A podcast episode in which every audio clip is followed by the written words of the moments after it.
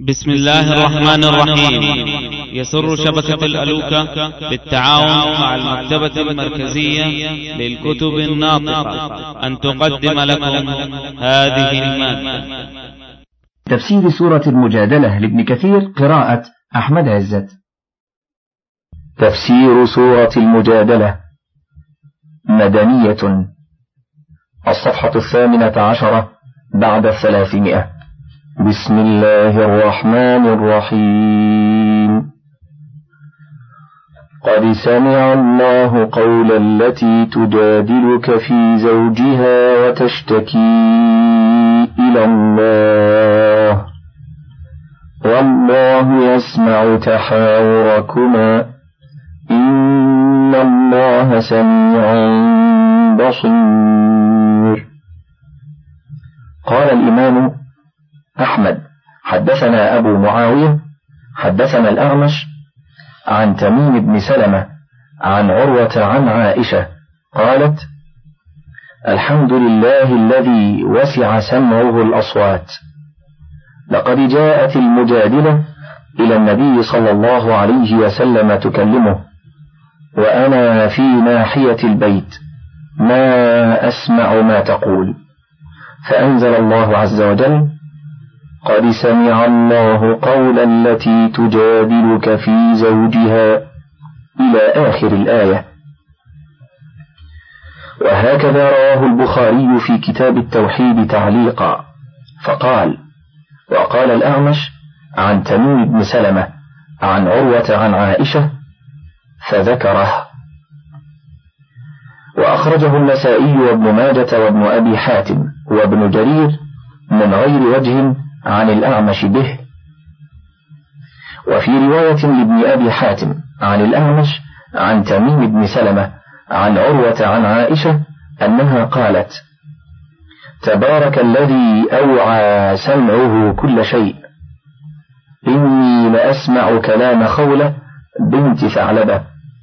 ويخفى علي بعضه وهي تشتكي زوجها إلى رسول الله صلى الله عليه وسلم وهي تقول يا رسول الله أكل مالي وأفنى شبابي ونثرت له بطني حتى إذا كبرت سني وانقطع ولدي ظاهر مني اللهم إني أشكو إليك قالت فما برحت حتى نزل جبريل بهذه الآية قد سمع الله قول التي تجادلك في زوجها قال وزوجها أوس بن الصامت وقال ابن لهيعة عن أبي الأسود عن عروة عن أوس بن الصامت وكان أوس امرأ به لمم فكان إذا أخذه لممه واشتد به يظاهر من امرأته وإذا ذهب لم يقل شيئا فأتت رسول الله صلى الله عليه وسلم تستفتيه في ذلك وتشتكي إلى الله فأنزل الله قد سمع الله قول التي تجادلك في زوجها وتشتكي إلى الله الآية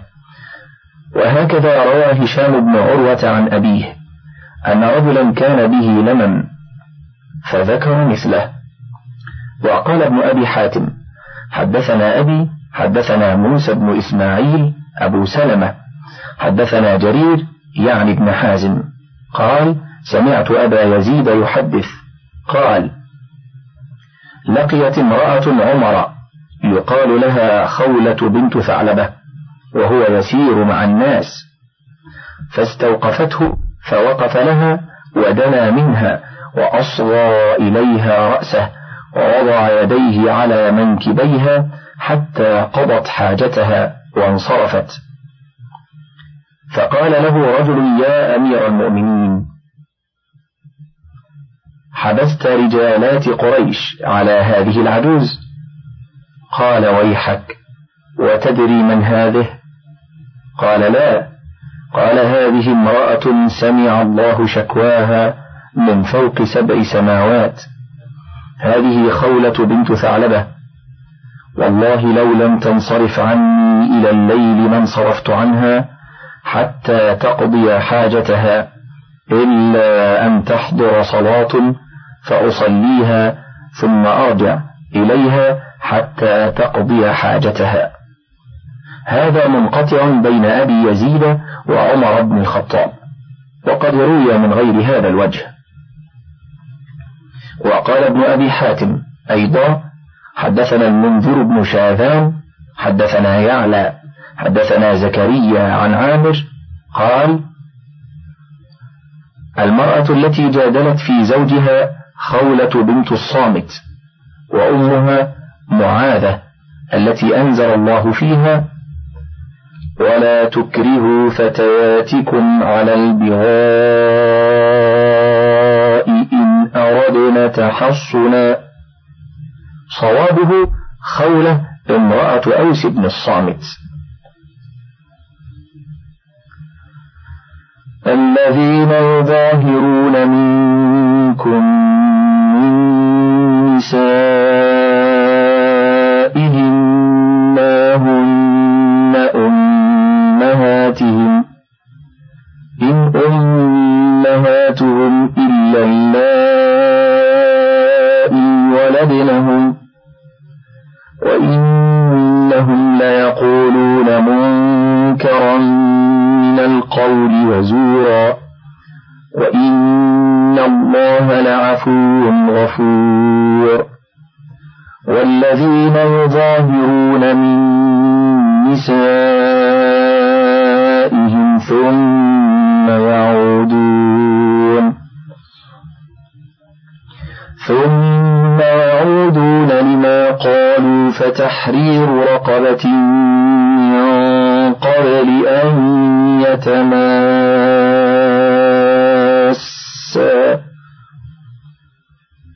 ذلكم توعظون به والله بما تعملون خبير فمن لم يجد فصيام شهرين متتابعين من قبل من قبل أن يتماسا فمن لم يستطع فإطعام ستين مسكينا ذلك لتؤمنوا بالله ورسوله وتلك حدود الله وللكافرين عذاب أليم قال الإمام أحمد حدثنا سعد بن إبراهيم ويعقوب قال حدثنا أبي حدثنا محمد بن إسحاق حدثني معمر بن عبد الله بن حنظلة عن يوسف بن عبد الله بن سلام عن خويلة بنت ثعلبة قالت في والله وفي أوس بن الصامت أنزل الله صدر سورة المجادلة قالت كنت عنده وكان شيخا كبيرا قد ساء خلقه قالت فدخل علي يوما فراجعته بشيء فغضب فقال أنت علي كظهر أمي قالت ثم خرج فجلس في نادي قومه ساعة ثم دخل علي فإذا هو يريدني عن نفسي قالت قلت كلا والذي نفس خويلة بيده لا تخلص إلي وقد قلت ما قلت حتى يحكم الله ورسوله فينا بحكمه قالت فواثبني فامتنعت منه فغلبته بما تغلب به المرأة الشيخ الضعيف فألقيته عني قالت ثم خرجت إلى بعض جاراتي فاستعرت منها ثيابا ثم خرجت حتى جئت إلى رسول الله صلى الله عليه وسلم حتى جئت إلى رسول الله صلى الله عليه وسلم فجلست بين يديه فذكرت له ما لقيت منه وجعلت أشكو إليه ما ألقى من سوء خلقه قالت فجعل رسول الله صلى الله عليه وسلم يقول يا خويلة ابن عمك شيخ كبير فاتق الله فيه قالت فوالله ما برحت حتى نزل في قرآن فتغشى رسول الله صلى الله عليه وسلم ما كان يتغشاه ثم سري عنه فقال لي يا خويلة قد أنزل الله فيك وفي صاحبك قرآنا ثم قرأ علي قد سمع الله قول التي تجادلك في زوجها وتشتكي إلى الله والله يسمع تحاوركما إن الله سميع بصير إلى قوله تعالى وللكافرين عذاب أليم قالت فقال لي رسول الله صلى الله عليه وسلم مريه فليعتق رقبة قالت فقلت يا رسول الله ما عنده ما يعتق قال فليصم شهرين متتابعين قالت فقلت والله إنه لشيخ كبير ما به من صيام قال فليطعم ستين مسكينا وسقا من تمر قالت فقلت والله يا رسول الله ما ذاك عنده قالت فقال رسول الله صلى الله عليه وسلم فإنا سنعينه بفرق من تمر قالت فقلت يا رسول الله وأنا سأعينه بفرق آخر قال قد أصبت وأحسنت فاذهبي فتصدقي به عنه ثم استوصي بابن عمك خيرا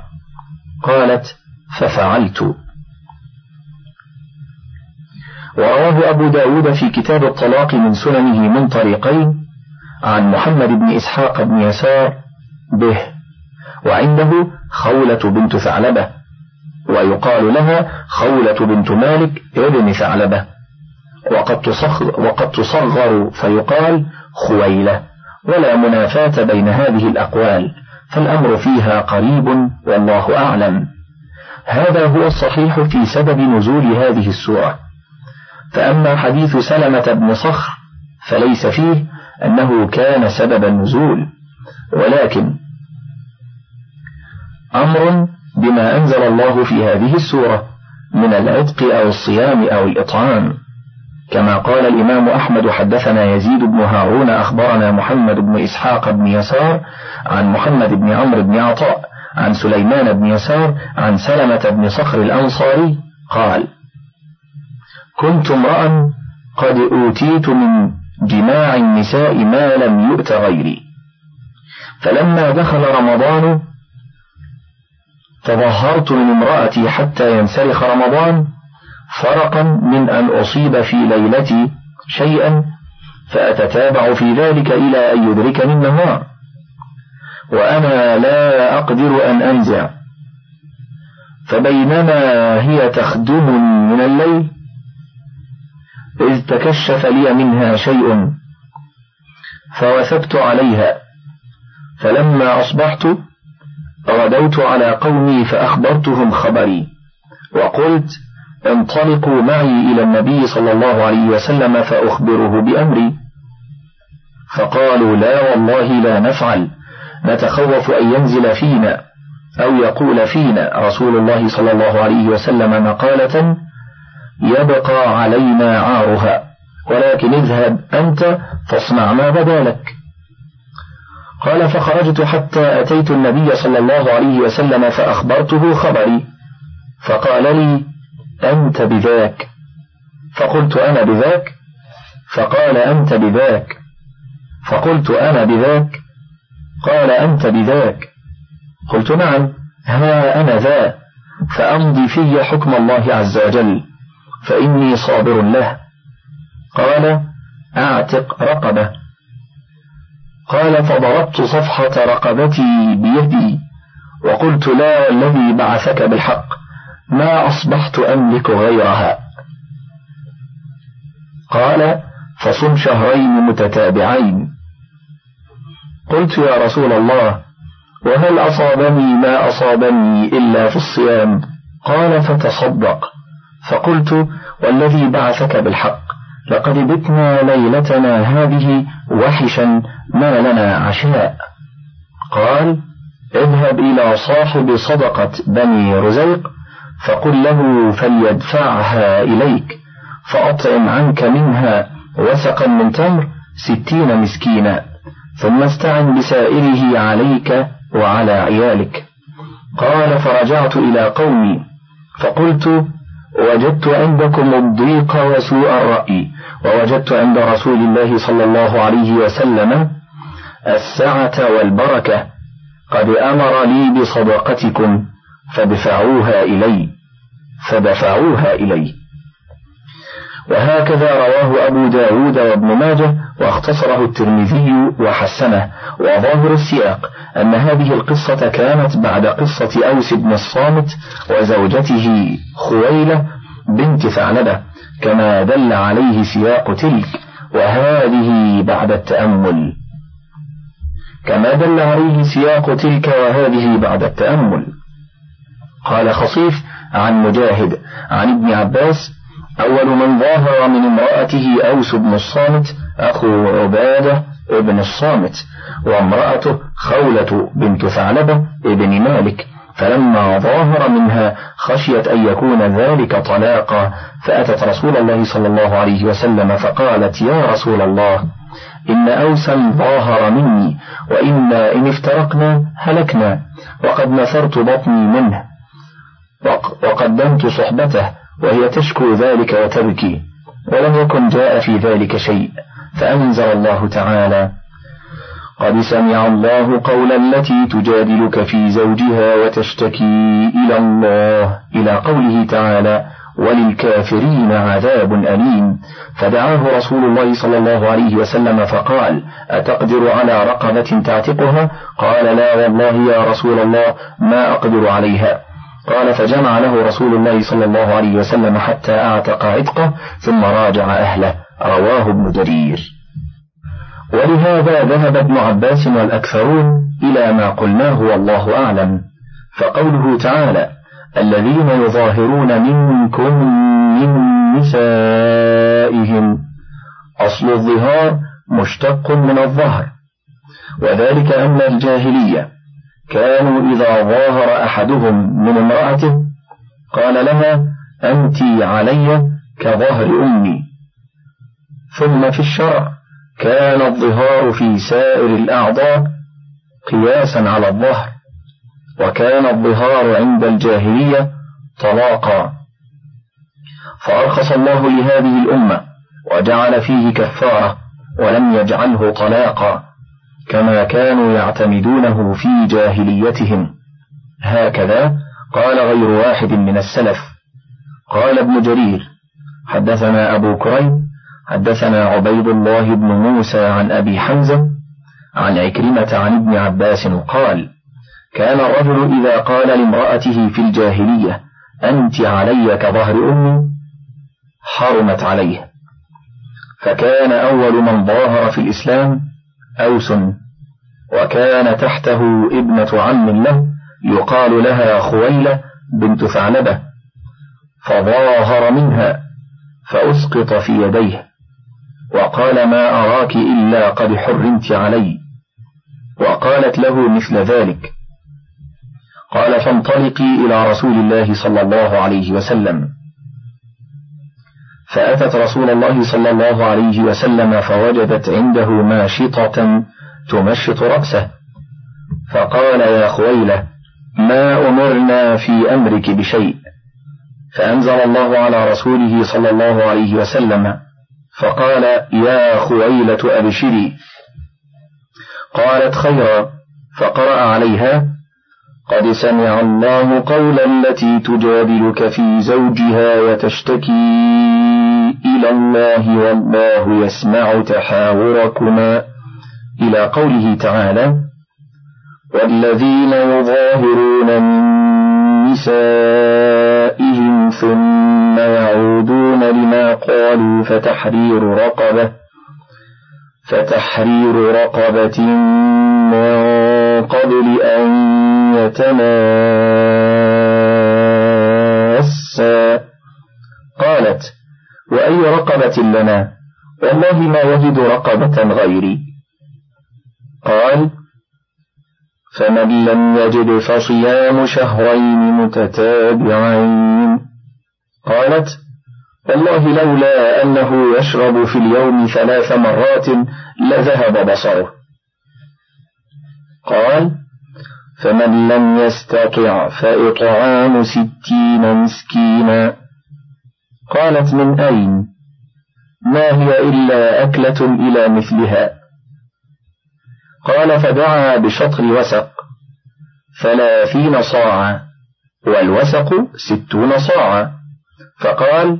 ليطعم ستين مسكينا وليراجعك وهذا إسناد جيد قوي وسياق غريب وقد روي عن أبي العالية نحو هذا وقال ابن أبي حاتم حدثنا محمد بن عبد الرحمن الهروي حدثنا علي بن العاصم عن داود بن أبي هند عن أبي العالية قال كانت خولة بنت دليج تحت رجل من الأنصار وكان ضرير البصر فقير سيء الخلق وكان طلاق أهل الجاهلية إذا أراد الرجل أن يطلق امرأته قال أنت علي كظهر أمي وكان لها منه عيل أو عيلان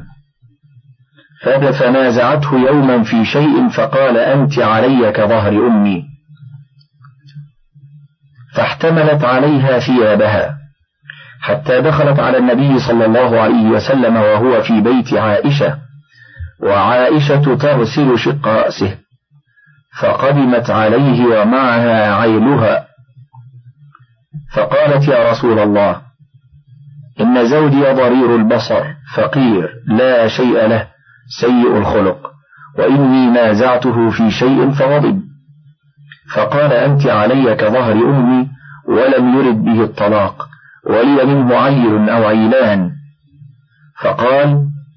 ما أعلمك إلا قد حرمت عليه فقالت أشكو إلى الله ما نزل بي وأبى صبي صبيتي قالت ودارت عائشة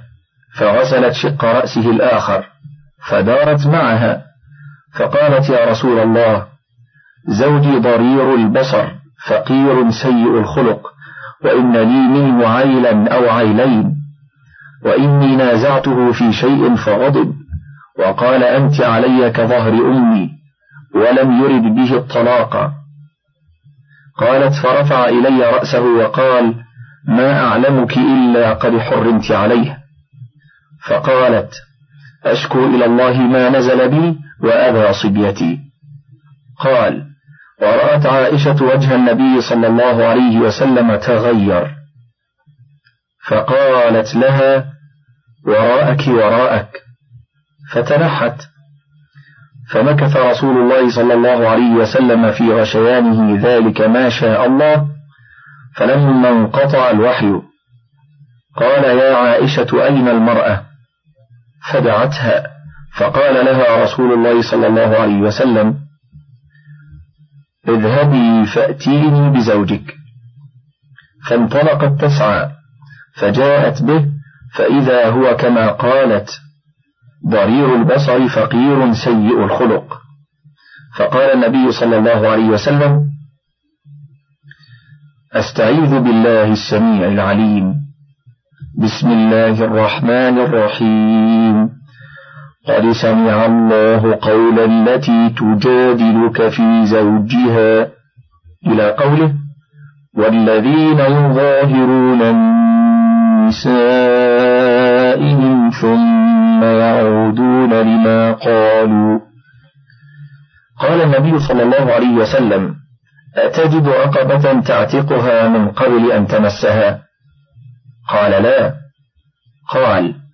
أفلا تستطيع أن تصوم شهرين متتابعين قال والذي بعثك بالحق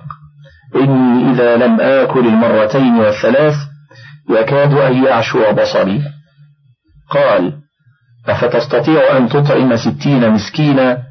قال لا إلا أن تعينني قال فأعانه رسول الله صلى الله عليه وسلم فقال أطعم ستين مسكينا قال وحول الله الطلاق فجعله ظهارا ورواه ابن جرير عن ابن المثنى عن عبد الأعلى عن داود سمعت أبا العالية فذكر نحوه بأقصر من هذا السياق وقال سعيد بن جبير كان الإيلاء والظهار من طلاق الجاهلية فوقت الله الإيلاء أربعة أشهر وجعل في الظهار الكفارة رواه ابن أبي حاتم بنحوه وقد استدل الإمام مالك على أن الكافر لا يدخل في هذه الآية بقوله منكم فالخطاب للمؤمنين وأجاب الجمهور بأن هذا خرج مخرج الغالب فلا مفهوم له واستدل الجمهور عليه بقوله من نسائهم على أن الأمة لا ظهار منها ولا تدخل في هذا الخطاب وقوله تعالى ما هن أمهاتهم إن أمهاتهم إلا اللائي ولدنهم أي لا تصير المرأة بقول الرجل أنت علي كأمي أو مثل أمي أو كظهر أمي أو ما أشبه ذلك لا تصير أمه بذلك إنما أمه التي ولدته ولهذا قال تعالى وإنهم ليقولون منكرا من القول وزورا أي كلاما فاحشا باطلا وإن الله لعفو غفور أي عما كان منكم في حال الجاهلية وهكذا أيضا عما خرج من سبق اللسان ولم يقصد إليه المتكلم كما رواه أبو داود أن رسول الله صلى الله عليه وسلم سمع رجلا يقول لامرأته يا أختي فقال أختك هي فهذا إنكار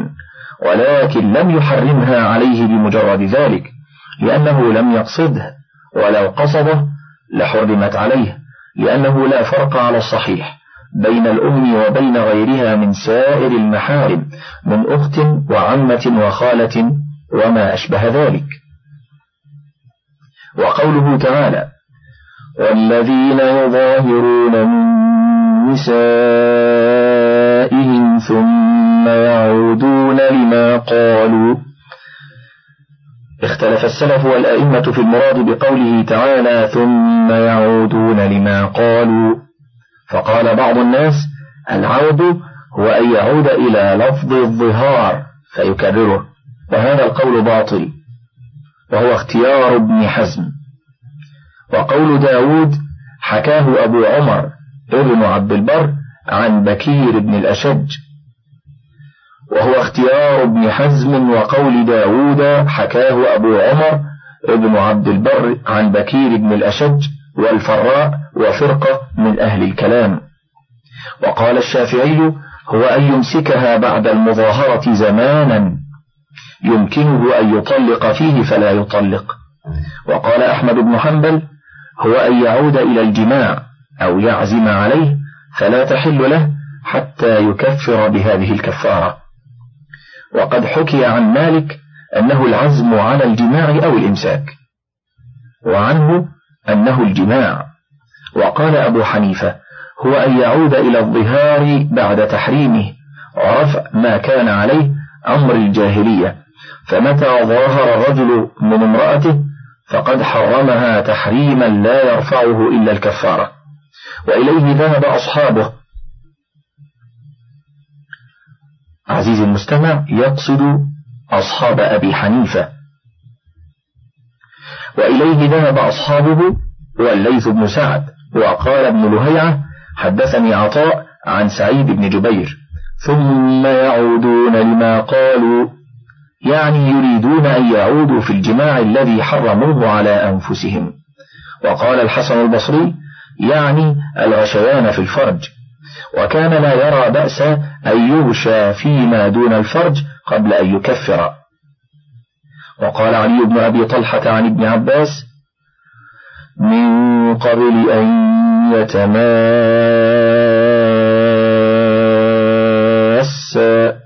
والمس النكاح وكذا قال عطاء والزهري وقتادة ومقاتل بن حيان وقال الزهري ليس له أن يقبلها ولا يمسها حتى يكفر من فضلك تابع بقية المادة